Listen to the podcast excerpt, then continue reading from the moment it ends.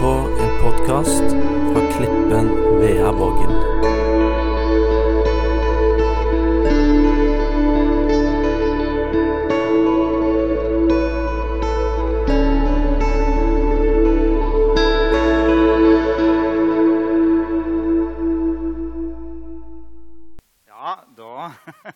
Så kjekt å være her på Klippen. Og um, nydelig å se både barnevelsignelsen og skuespillet. Imponerende talenter som finnes her ute på Vevåg. Så det er helt, helt nydelig. Så hvis du har Bibelen med deg, så kan du finne fram til første Korinterbrev.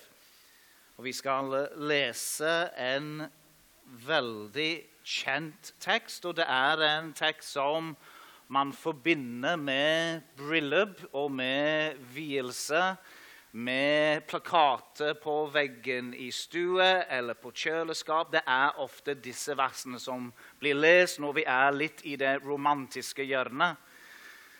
Men teksten handler jo ikke om det, men vi skal lese versene først, og så skal vi snakke litt etter hvert.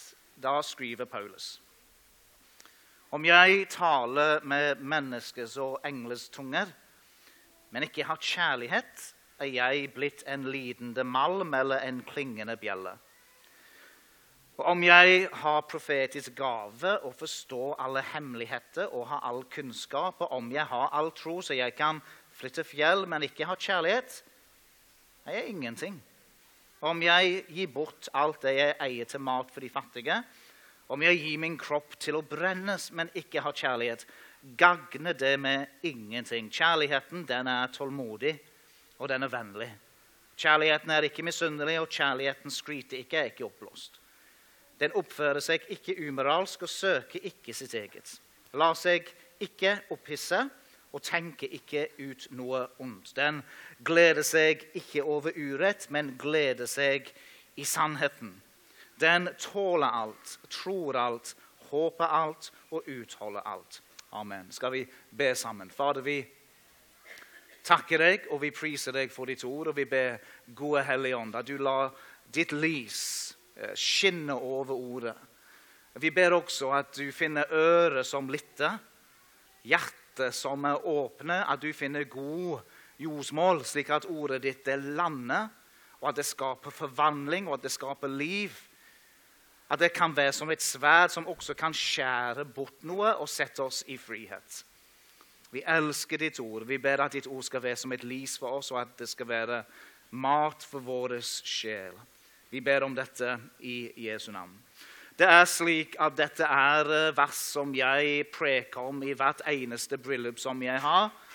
Men dette er ikke et bryllupstekst. Det er jo det det har blitt forbundet, fordi det er så vakre ord om kjærlighet. Men konteksten i, i Korint var jo at forsamlingen holdt på å implodere.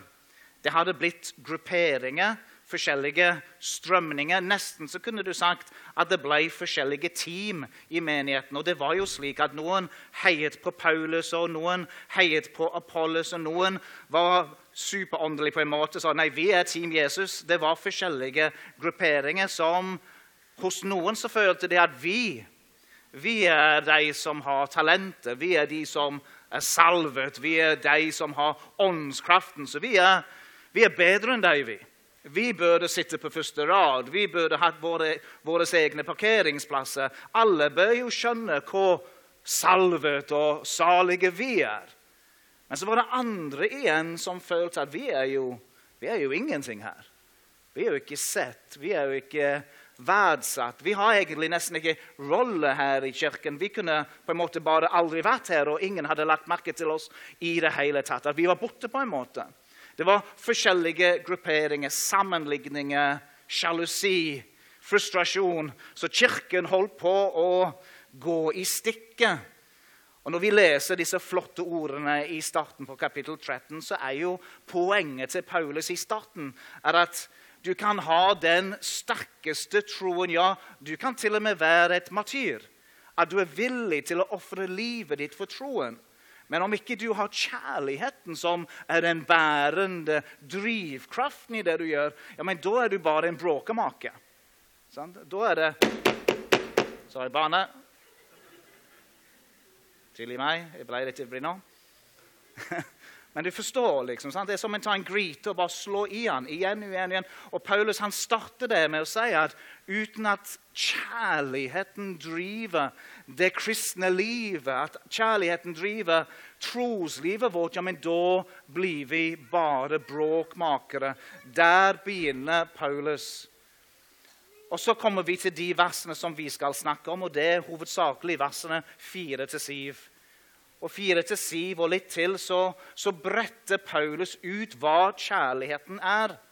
Og På gresk så er det slik at disse ordene som Paulus bruker, disse 15 kvaliteter, de er ikke adjektive. Og det er jo litt viktig. at På gresk så er det jo verb Paulus bruker.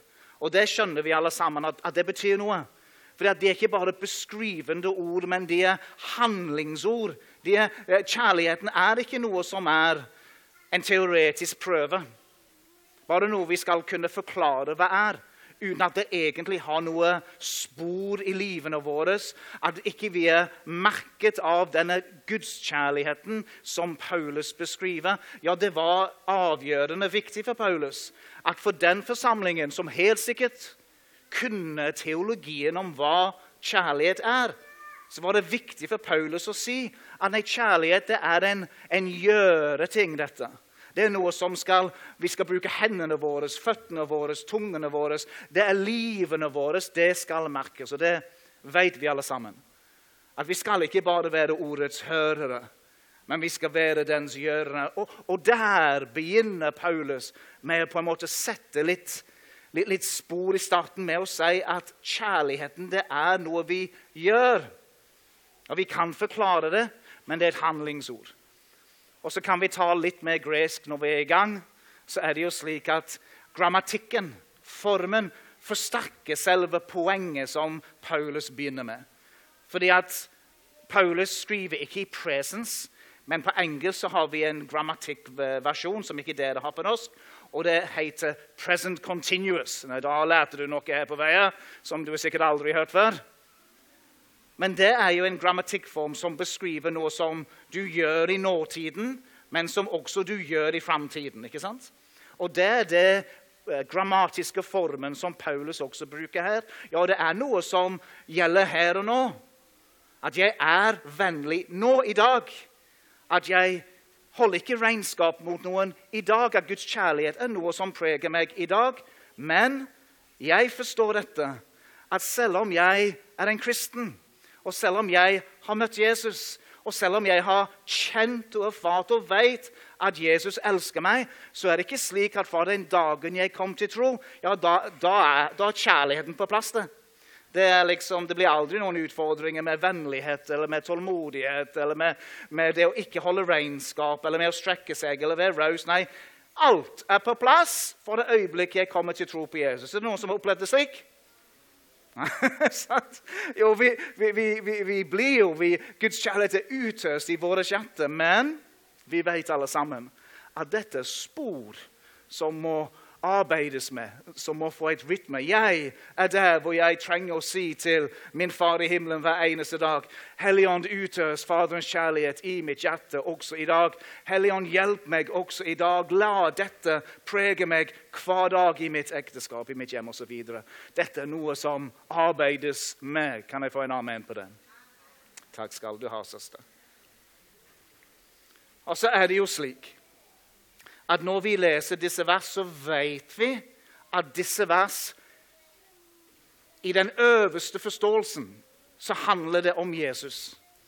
At når vi leser det, så vil jeg at vi, Og det kan vi gjøre nå. Hvis du har Bibelen med deg, så håper jeg at du har funnet fram til 1. Kvinterbrev, kapittel 13.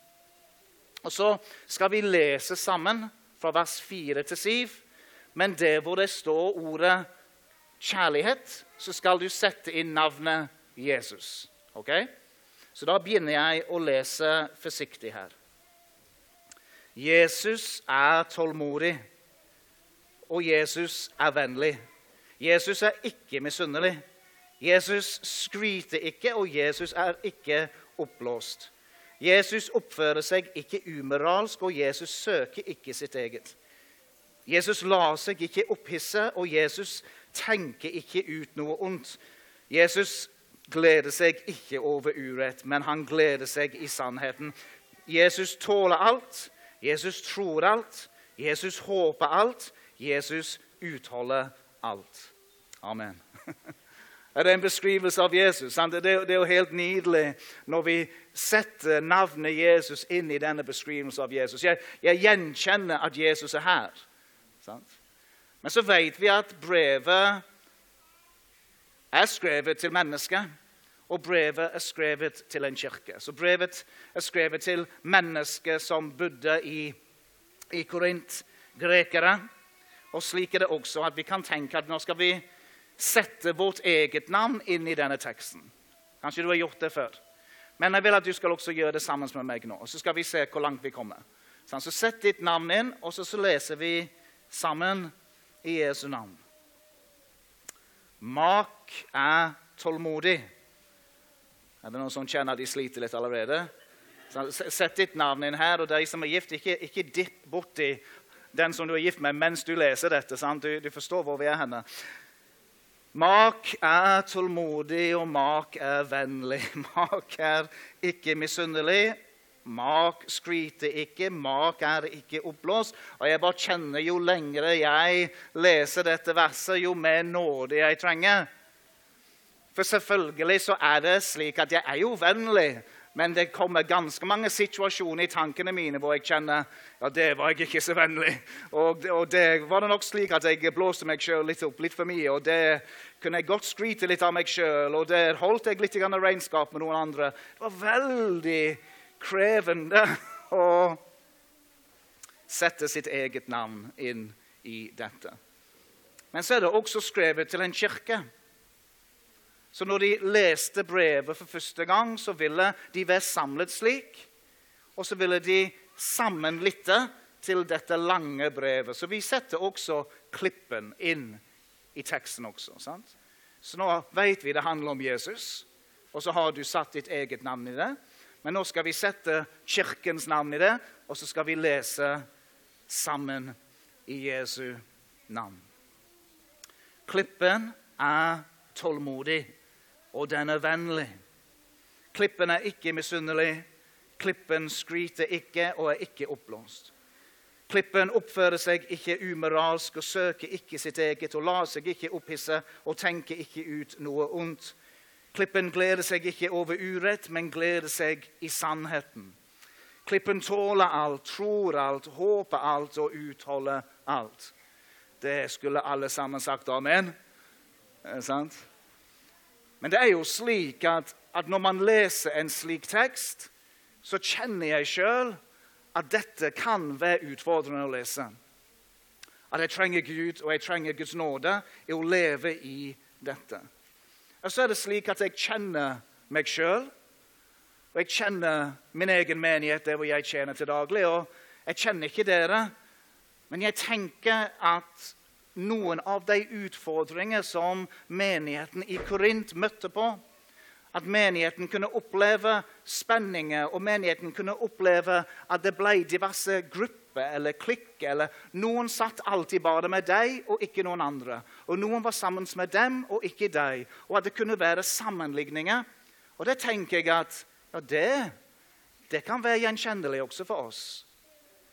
Det er jo ikke slik at den situasjonen som menigheten i Korint opplevde, at det var så lang lang, lang tid tilbake at det er ikke noe som vi kommer borti. Men jeg opplever at de samme tendensene og de samme utfordringene som menigheten i Korint møtte på, ja, det møter vi på også på Haugalandet.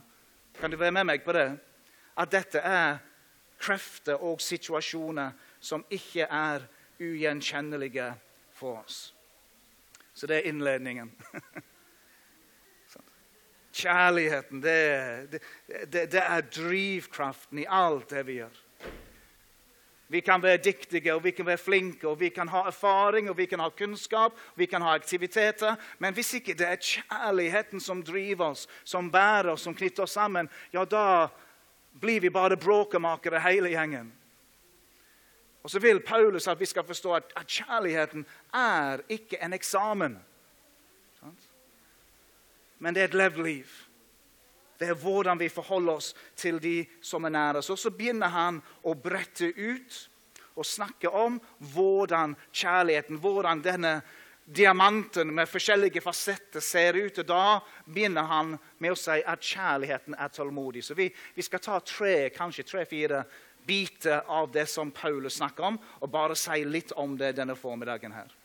Men han begynner med å snakke om at kjærlighet og Du som hørte meg lese nå, kunne kanskje ha hørt når jeg sa det, at jeg sleit allerede med det første ordet. Og kanskje du gjorde det også. Men han sier at kjærlighet er tålmodig. Og Hvis vi skal si det på en annen måte, så er det at kjærligheten den tenner ikke lett. Eller at kjærligheten har ikke en kort lunte. At kjærligheten har selvbeherskelse i seg. Den har kontroll i seg.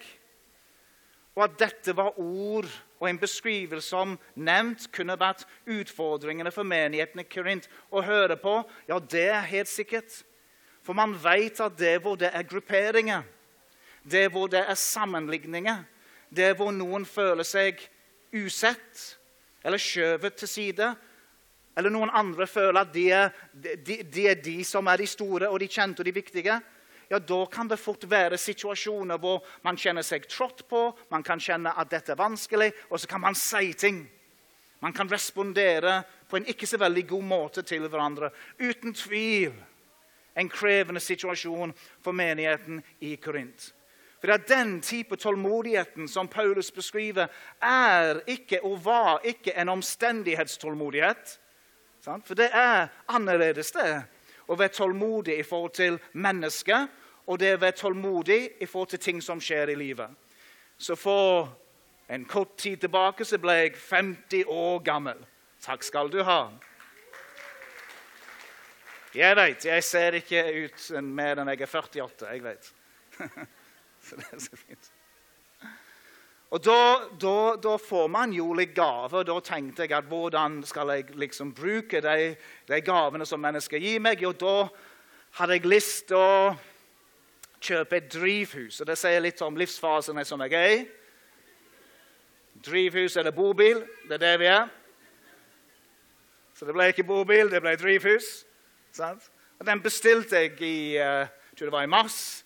Ikke sant? Og så for åtte dager siden så ble han levert. ikke sant? Og jeg, jeg tenkte liksom det, liksom Bestille i mars, og så får man det ikke før man kommer ut i juni. liksom. Det var noe veldig med ventetid. Men OK. Det er livet, liksom. Sånn er det. Vi får, vi får liksom bare gjøre oss litt klar. Se, se, for oss hvordan tomatene kommer til å bli. og Det går veldig greit. Altså Sånne ting. Ja, frisørtimen den, jeg fikk ikke før den datoen. Eller tannlegen var ikke ledig. altså Det er jo omstendigheter i livet som forskjøves eller blir ikke helt slik som vi ønsker det. Men det er ikke det Paulus snakker om. Paulus snakker om de relasjoner og de samtaler og de situasjoner hvor vi er sammen med mennesker som er tette på oss. Kanskje til og med ikke så veldig tette på deg. Kanskje det er sånn som når du kjører på Sørlandet og du er inne på disse små veiene og du har en tysk bobil foran deg. Jeg vet ikke om du har vært borti det før. Det har jeg vært borti. Og jeg må si jeg er ikke så veldig tålmodig da. Jeg ligner nok ikke så veldig mye på Jesus heller. Det er noen uh, frustrasjonsøyeblikk som dukker opp ganske så kjapt. ikke sant? Og Det er jo litt sånn enkel måte å forklare det på, men det er i nære relasjoner Paulus snakker om. Og det er om det er på hjemmebane eller om det er i kirke, så det er der Paulus sier at kjærligheten skal merkes ved at jeg har selvbeherskelse. Jeg har ikke en kort lunte. Jeg er ikke overfølsom, eller at bare noen prikker litt borti meg. Ja, men da må jeg jo si ifra. For de må jo skjønne hvem de snakker med akkurat nå. Nei, Måten de sa det på, det, det såret meg veldig, så jeg er nødt for å si ifra. Hvis ikke jeg sier ifra nå, så tråkker alle på meg. Nei, Paulus han beskriver, for dette var i, i Hellas, dette var en, den grekiske kulturen. Og I denne kulturen så var det jo mange filosofer. Vi kjenner til en del av dem. Men blant annet så var en av heltene Aristoteles. Aristoteles han hadde en uttalelse for den gode greker. Og Han sa følgende om den gode greker. Han sa at den gode greker han hadde verdien av å ikke tåle fornærmelse. Og med den minste fornærmelsen så slår du tilbake med full kraft. Jeg vet ikke om det er en beskrivelse på en som bor på veien. Du må bare hjelpe meg akkurat nå. Men det var samtidskulturen som de levde i. Det var ikke en kultur av tålmodighet som holdt igjen. Tålmodighet som ikke hadde en kort lunte. Nei, det var heller slik at nei, du skal ha kort lunte, du. Hvis det er situasjoner, om det er i ekteskapet, eller om det er på arbeidsplassen, eller om det er i kirken, og du blir tråkket på eller såret, da sier du ifra. Kjærligheten er tålmodig. Men vi skal bare lese litt om Jesus, da. Det står et vers om Jesus i Peters første brev, kapittel 2.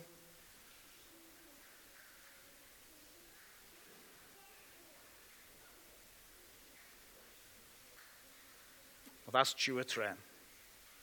Det står om Jesus her, og dette er den delen av Jesus sitt liv, og han nærmer seg slutten av sitt liv. og Da står det om Jesus at da han ble hånet, hånte han ikke igjen. Da han led, truet han ikke, men overlot seg selv til ham som dømmer rettferdig. Altså Når Jesus ble såret, når Jesus ble hånet, så tok ikke Jesus igjen. Hva er det som kjennetegner Jesus i de situasjoner hvor han kunne ha respondert sterkt tilbake, gått i forsvar? Men når Jesus ble hånet, så hånte han ikke igjen. Hvis du husker på situasjonen hvor Jesus var i Getsemanehagen, og så kommer de romerske soldatene for å pågripe Jesus, og så er Peter han er opprørte. Men så sier Jesus til Peter, 'Vet du ikke at jeg kunne, om jeg ville, tilkalle ja, det, det, er på en måte titusener på titusener, legioner av engler til å befri meg fra den situasjonen hvis jeg ville. Jeg har makten til å gjøre noe med dette, men jeg velger å ikke gjøre det. Så tålmodighet er ikke svakhet. Tålmodighet er kraft, og tålmodighet er styrke. Så leser vi ett vers til om Jesus, og det er i Peters andre brev, kapittel 2.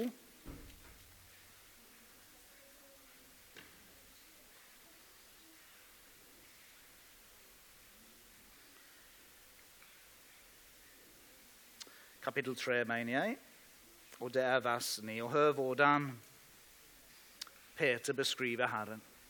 Herren er ikke sen med løftet, slik noe regner det for senhet. Men han er tålmodig med oss, siden han ikke vil at noen skal gå fortapt, men at alle skal komme til omvendelse. Er det noen som er takknemlig for at Herren er tålmodig med deg? Så må tenke at Herren forholdt seg til oss på samme måte som vi forholder oss til andre. At Herren var like utålmodig med oss som vi er med andre i vårt liv. Nei, det som beskriver Herren, er at Herren er tålmodig med oss. For at han vil at alle skal komme til sannhetserkjennelse og bli frelst. Det neste begrepet og det neste beskrivelsen av kjærligheten som Paulus legger vekt på, det er at kjærligheten er vennlig. Og igjen, Det er på en måte bare viktig å slå fast at når Paulus beskriver kjærlighet, så er ikke disse ordene svakhetsord. Og det er jo veldig ofte at når vi tenker på hva er det som skal til for at de som bor på bygda vår eller på Karmøy eller der hvor du er, skal komme til tro. Og Vi kan ofte tenke som karismatikere at nei, det vi trenger mer enn noe annet, det er mirakler og tegn. og det er eh, slike, slike store hendelser. og Da vil folket se, og da vil de komme til tro. Men jeg tror Paulus forsøker å minne denne kirken også om det at det, den, den, viktigste og kanskje noe av det, den største frukten av åndsliv og åndskraft er ikke ytre bevis, men det er det indre livet. At ja, Vi kan be om tegn og under, det gjør vi. Og vi ønsker å se at Herren helbreder og, og gjør inngripen i menneskets liv. Men jeg må jammen si at det krever mer av meg å stadig be om hjelp på det som Paulus beskriver her, enn å be en bønn om helbredelse. Ja, det kan jeg be hvor som helst, når som helst. Men at Den hellige ånd gjør et dyptpløyende verk på innsiden av mitt hjerte og min karakter, slik at dette som Paulus beskriver her, preger meg, ja, det er åndskrafter. Det trenger jeg Den hellige ånds hjelp. Og så begynner han å snakke om dette begrepet som er vennlighet. Vennlighet. Det er godt å ha venner. Og det betyr veldig mye å oppleve at noen er vennlige. At når du møter noen, så opplever du at du er sett, og at det er kjekt og Du vet den følelsen det er når du møter en, en gammel venn som du ikke har sett på 10-15-20 år, og så bare i det øyeblikk du ser hverandre, så er det oh, det, det er den, den, kjemien og den opplevelsen av, av, nærhet og vennskap og vennlighet. Vennlighet. Det er jo ikke slik at alt blir det samme med oss gjennom livet. Som sa, så har jeg fått drivhuset, og i går så var målet å sette opp drivhuset. Det har vi begynt med, i alle fall. vi har kommet i gang. Og du vet at Jeg er jo pastor, da, så mitt arbeid er ikke så veldig fysisk. Sånn at uh, når jeg skulle rive opp i hagen og flytte på stein og det ene og det andre Ja, jeg begynte bra. Det, det, ble, det, det ser ganske, ganske, bra ut i hagen. da. Du ser at det har vært mye arbeid. Men når jeg skulle rulle ut av sengen i dag for å komme på møte, da kjente jeg at muskulaturen i både rygg og i, i bein og diverse Noe er ikke som det skal være. Sånn. At over tid så merker vi at ting famler med oss at når jeg ser tilbake på bilder av meg sjøl når jeg var 20 jeg tenker, Hvem var den kjekke gutten der? altså? Det var, det, det var, så fint å se de gamle bildene. og Så ser jeg på meg sjøl og jeg tenker ja, ja, ja. Ikke så mye her igjen. liksom. Det er ikke så lenge før det er helt borte. og Kroppen går ikke så fort som det var. og Det er ikke så sjelden jeg sier til kona mi har du sett telefonen min. Det er ting med oss som famler over tid hvor vi en gang var sterke i noe, men i dag så er vi ikke så sterke.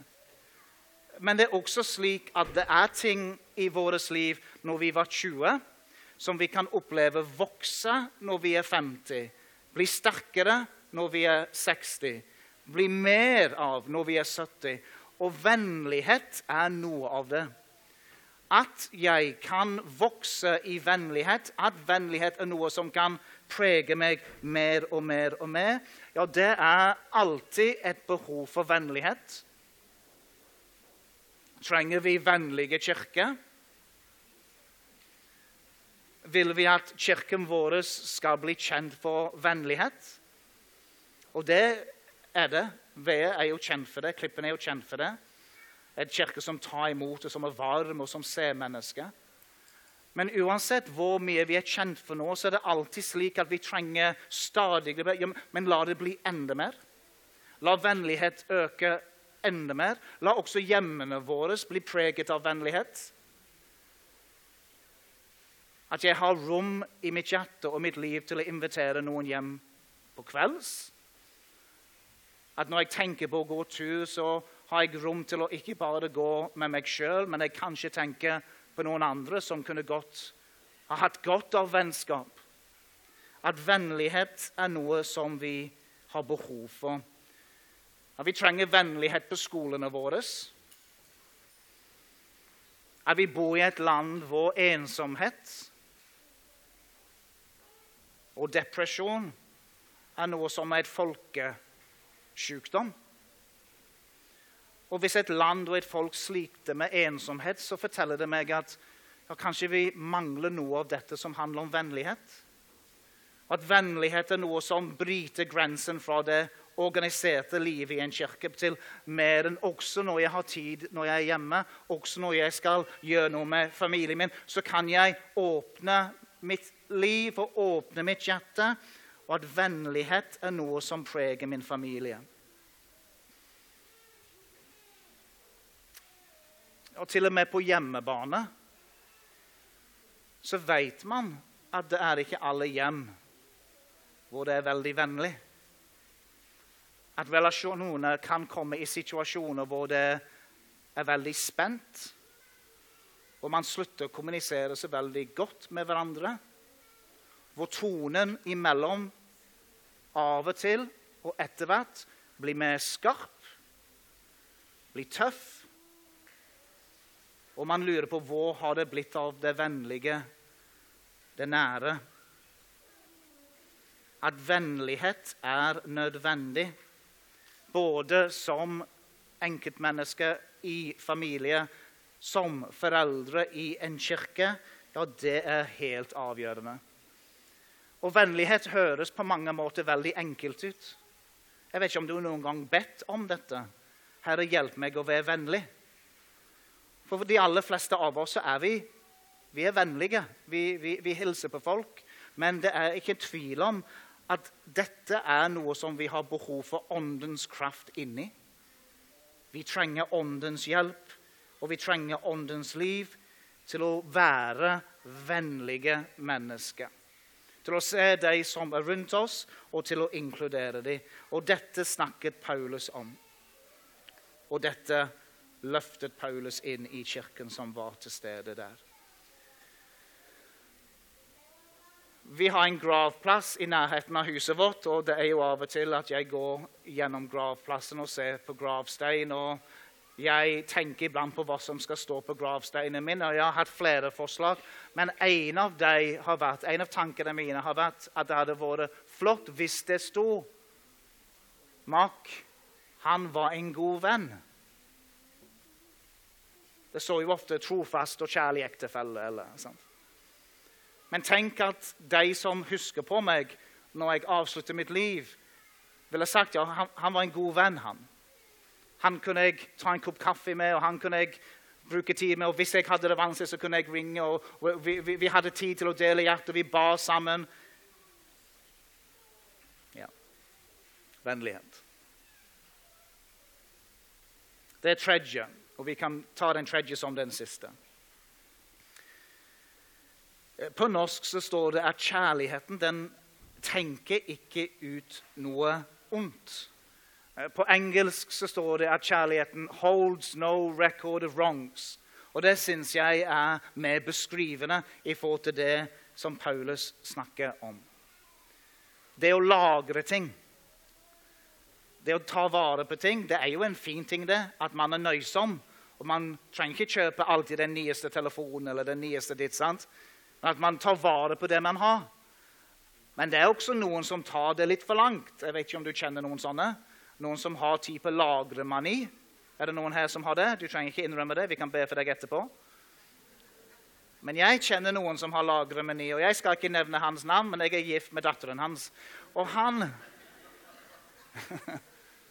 Og han har jo en låve på Sørlandet. Og dette legges vel ikke ut på podkast, men han har en låve på Sørlandet. Og eh, vi har også benyttet oss av den loven for mange mange, mange herrens år siden. så det finnes et bord der en eller annen plass. Og Sommeren i fjor så skulle meg og Unni vi skulle inn på låven for å hente ut det bordet noen stol. Så kommer vi til døren for å komme inn. Eh, og det, det er en stor låve. Det er liksom, det er størrelse på dette. flere etasjer. Så prøver vi liksom å åpne døren og, og, og komme inn, liksom. Og det var så mange ting i loven at vi klarte å få 10-15 cm opp. ikke sant? Så måtte vi finne kunstige løsninger for å komme så inn. Så kom jeg inn i loven med han som jeg ikke vil nevne navn på. Og han, da ser jeg sikler fra Det må jo være 1940 eller noe. Det, det er sikler, og det er ski, og det er radioer, og det er all mulige saker og ting som er lagret opp på i alle forskjellige retninger. Og så sier jeg til han, du, men du, har du liksom 14 sikler og en med ikke hjul. og Skal ikke du få vekk noen av disse siklene? Så, ja, men du, du vet aldri når du kommer til å trenge det. Det er liksom Ja, det kan godt hende med de 14 siklene der at du kommer til å trenge dem. Sånn. Så, så han, han, er glad i å samle på ting. Og i vår tid også så er jo det å samle det er også viktig. De aller fleste av oss har disse skiene hvor vi vil samle på, lagre minnene våre. Og Av og til så blir du minnet om det som du har gjort for en stund tilbake. Vi samler og vi lagrer på diverse ting. Jeg har lest en bok, A Christmas Carol, av Charles Dickens. Og I Charles Dickens sin bok så er det en karakter som heter Ebenezer Scrooge. Er det noen som kjenner til han? Ebenezer Scrooge. Hvis du har sett filmen, så, så får du et lite sånn bilde av han, men da har han topphatten sin på og det smale ansiktet og skjegget og, og, lange fingre med neglene sine. Og så sitter han over den store regnskapsboken sin, og han ser på alle de som skylder han noe. Han er så opptatt av alle de som har gjort noe imot han eller for han, og at de skylder han noe som de bør betale tilbake. Det er av og til kristne som har slike regnskapsbøker. Det er av og til menigheter som klarer ikke å bevege seg videre fordi de holder fortsatt regnskap om noe som skjedde for 10 år siden, 15 år siden, 20 år siden, 30 år siden. At det som en gang skjedde, er fortsatt det som definerer hvor de er, og hva som skjer i deres liv. Det var en folkegruppe på ei øy langt, langt vekke som hadde noen vaner som ikke var så gode. Mennene hadde to oppgaver. Det var å spise mat. Kan jeg få en amen på det? Neida. Spise mat. Men det andre var de angrep andre stammer. Men vi har barn her, og så gjorde de noe med det når de hadde tatt dem. Og når de skulle da huske på dette, så tok de beinene og brukte de som smykke på dem sjøl eller på hjemmene deres for å minne dem om de kampene og stridene som de hadde vært i. Så alltid når du så på den stammen, menneskene, eller på husene deres, så så du at minnene om at de var i noen kamper og noen strider. Og de kunne snakke om det når de så disse. Det er alltid kjekt å snakke med mennesker som kjenner Jesus. Men det er også slik at en, en, del ganger når jeg snakker med noen, så tar det ikke lang tid før de ønsker å snakke om de beinene, de kampene, som de en gang har hatt. Det tar ikke lang tid når de snakker, at vi går tilbake til slik var det før. og Det gikk jeg igjennom. og Dette var veldig vanskelig. Og, og du kan kjenne fortsatt at den frustrasjonen og det regnskapet det ligger fortsatt høyt, både i hjertet og i tanke. Og Nå vil jeg bare si noe klart. At det er alltid slik når vi er fanget i fortiden, når vi holder regnskap over ting som noen har gjort imot oss. Og Nå snakker jeg ikke om voldsomt urettferdige ting, for det, det, det er en annen sak. Men, men, vanlige ting som vi går gjennom.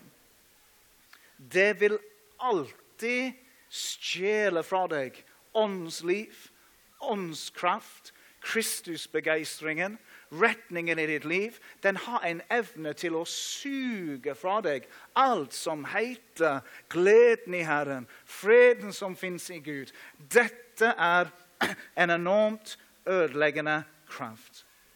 Vi sitter fast i det som har vært. Det er som om vi setter på en Netflix-episode.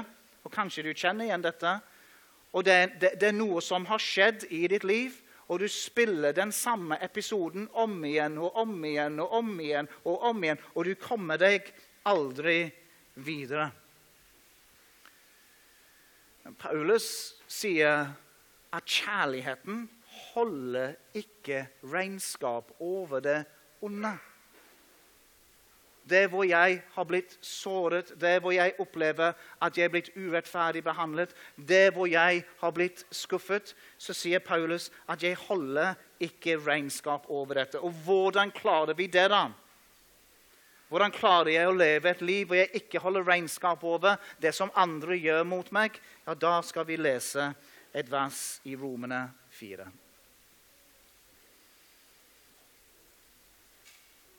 Og I vers 7 så sier Paulus Salige er de som har fått sine lovbrudd tilgitt, og som har fått sine synder dekket over. Salig er den mann som Herren ikke tilregner sin. Hvis jeg skal klare å slippe andre fri, hvis jeg skal klare å ikke holde regnskap over det unna, det starter med at jeg sjøl har erfart og lever i at Herren ikke tilregner meg sin. At jeg er dekket i Jesu blod. At jeg er elsket av Gud. At jeg fortjener ikke tilgivelse, men allikevel så er Han tålmodig med meg, og han tilgir meg mine synder. For det er én ting å tilgi andre. Men iblant så er noe av det vanskeligste å tilgi oss sjøl. Det er én ting å si ja, da er jeg klar til å slippe deg. Jeg er klar til å legge det, jeg, har tilgitt deg for det de sa eller det de gjorde. Men det er situasjoner som jeg ikke klarer å tilgi meg sjøl. At jeg var med på dette, jeg gjorde dette, jeg sa dette. Men jeg skal bare si deg én ting, og her kan vi godt runde av det at når du kommer til Gud, og du kjenner fortsatt at det er noe som plager din samvittighet Selv om du har sagt til Gud gang etter gang etter gang 'Tilgi meg, tilgi meg, tilgi meg', men du kjenner fortsatt det plager deg. Når du kommer inn for Gud og sier 'Gud, kan du tilgi meg for dette', så kommer det ett svar tilbake fra Gud med en gang, og svaret er 'Jeg aner ikke hva du snakker om'. Det er det Gud sier. For den gangen du kom til Gud og ba om tilgivelse, tok Gud den synden, og han kastet det i glemselens hav. Det er borte vekk. Jeg holder ikke noe regnskap over det onde som andre har gjort mot meg, men jeg vil heller ikke holde regnskap over meg sjøl. For jeg vet at jeg er tilgitt av Jesus, og jeg vet at min synd er dekket både førtid, nåtid framtid. Salig er den mannen som Herren ikke tilregner synd. Det er dekket over. Det er så lett å huske det vi burde glemme, og glemme det vi burde huske. Det er så lett å glemme det vi burde huske, det vi burde glemme, og glemme det vi burde huske huske. Hellige Ånd, hjelp oss å huske at vi er tilgitt, vi er elsket, vi er rein, vi er rettferdig. Helligånd, hjelp meg å huske at jeg trenger Åndens kraft til å leve i denne kjærlighet. Helligånd, utøs Faderens kjærlighet i mitt hjerte. La mitt hjerte bli et hjerte berørt av din tålmodighet, av din vennlighet at jeg ikke holder regnskap. La den kjærligheten som vi har snakket om i dag, flyte gjennom mitt liv. Det er hvor jeg er pappa eller ektefelle, bestefar, onkel, venn, medarbeider, kollega. La din kjærlighet prege mitt liv. Og hjelp meg, Hellige å vandre i denne kjærligheten. Kanskje du har kjent når vi har snakket om, om tålmodighet eller andre ting, at du har tenkt her trenger jeg åndens hjelp. Og Om det er slik, så bare, bare legg din hånd på ditt hjerte akkurat nå. Så vi ber Helligånd. Helligånd, gjør et verk på innsiden av vårt liv, der hvor det virkelig gjelder, i vårt hjerte. Helligånd, utøs kjærligheten. Og Helligånd, la disse fruktene av tålmodighet av vennlighet. La det spire. La det vokse. La en atmosfære, en ånd av vennlighet og tålmodighet også fylle dette huset, denne kirken, på en ny og frisk måte, Herre. Takk, gode Hellige Ånd, for din hjelp. Takk, Faderen, for nåden av at vi kan vandre i dette. I Jesu navn vi ber. Amen. Amen.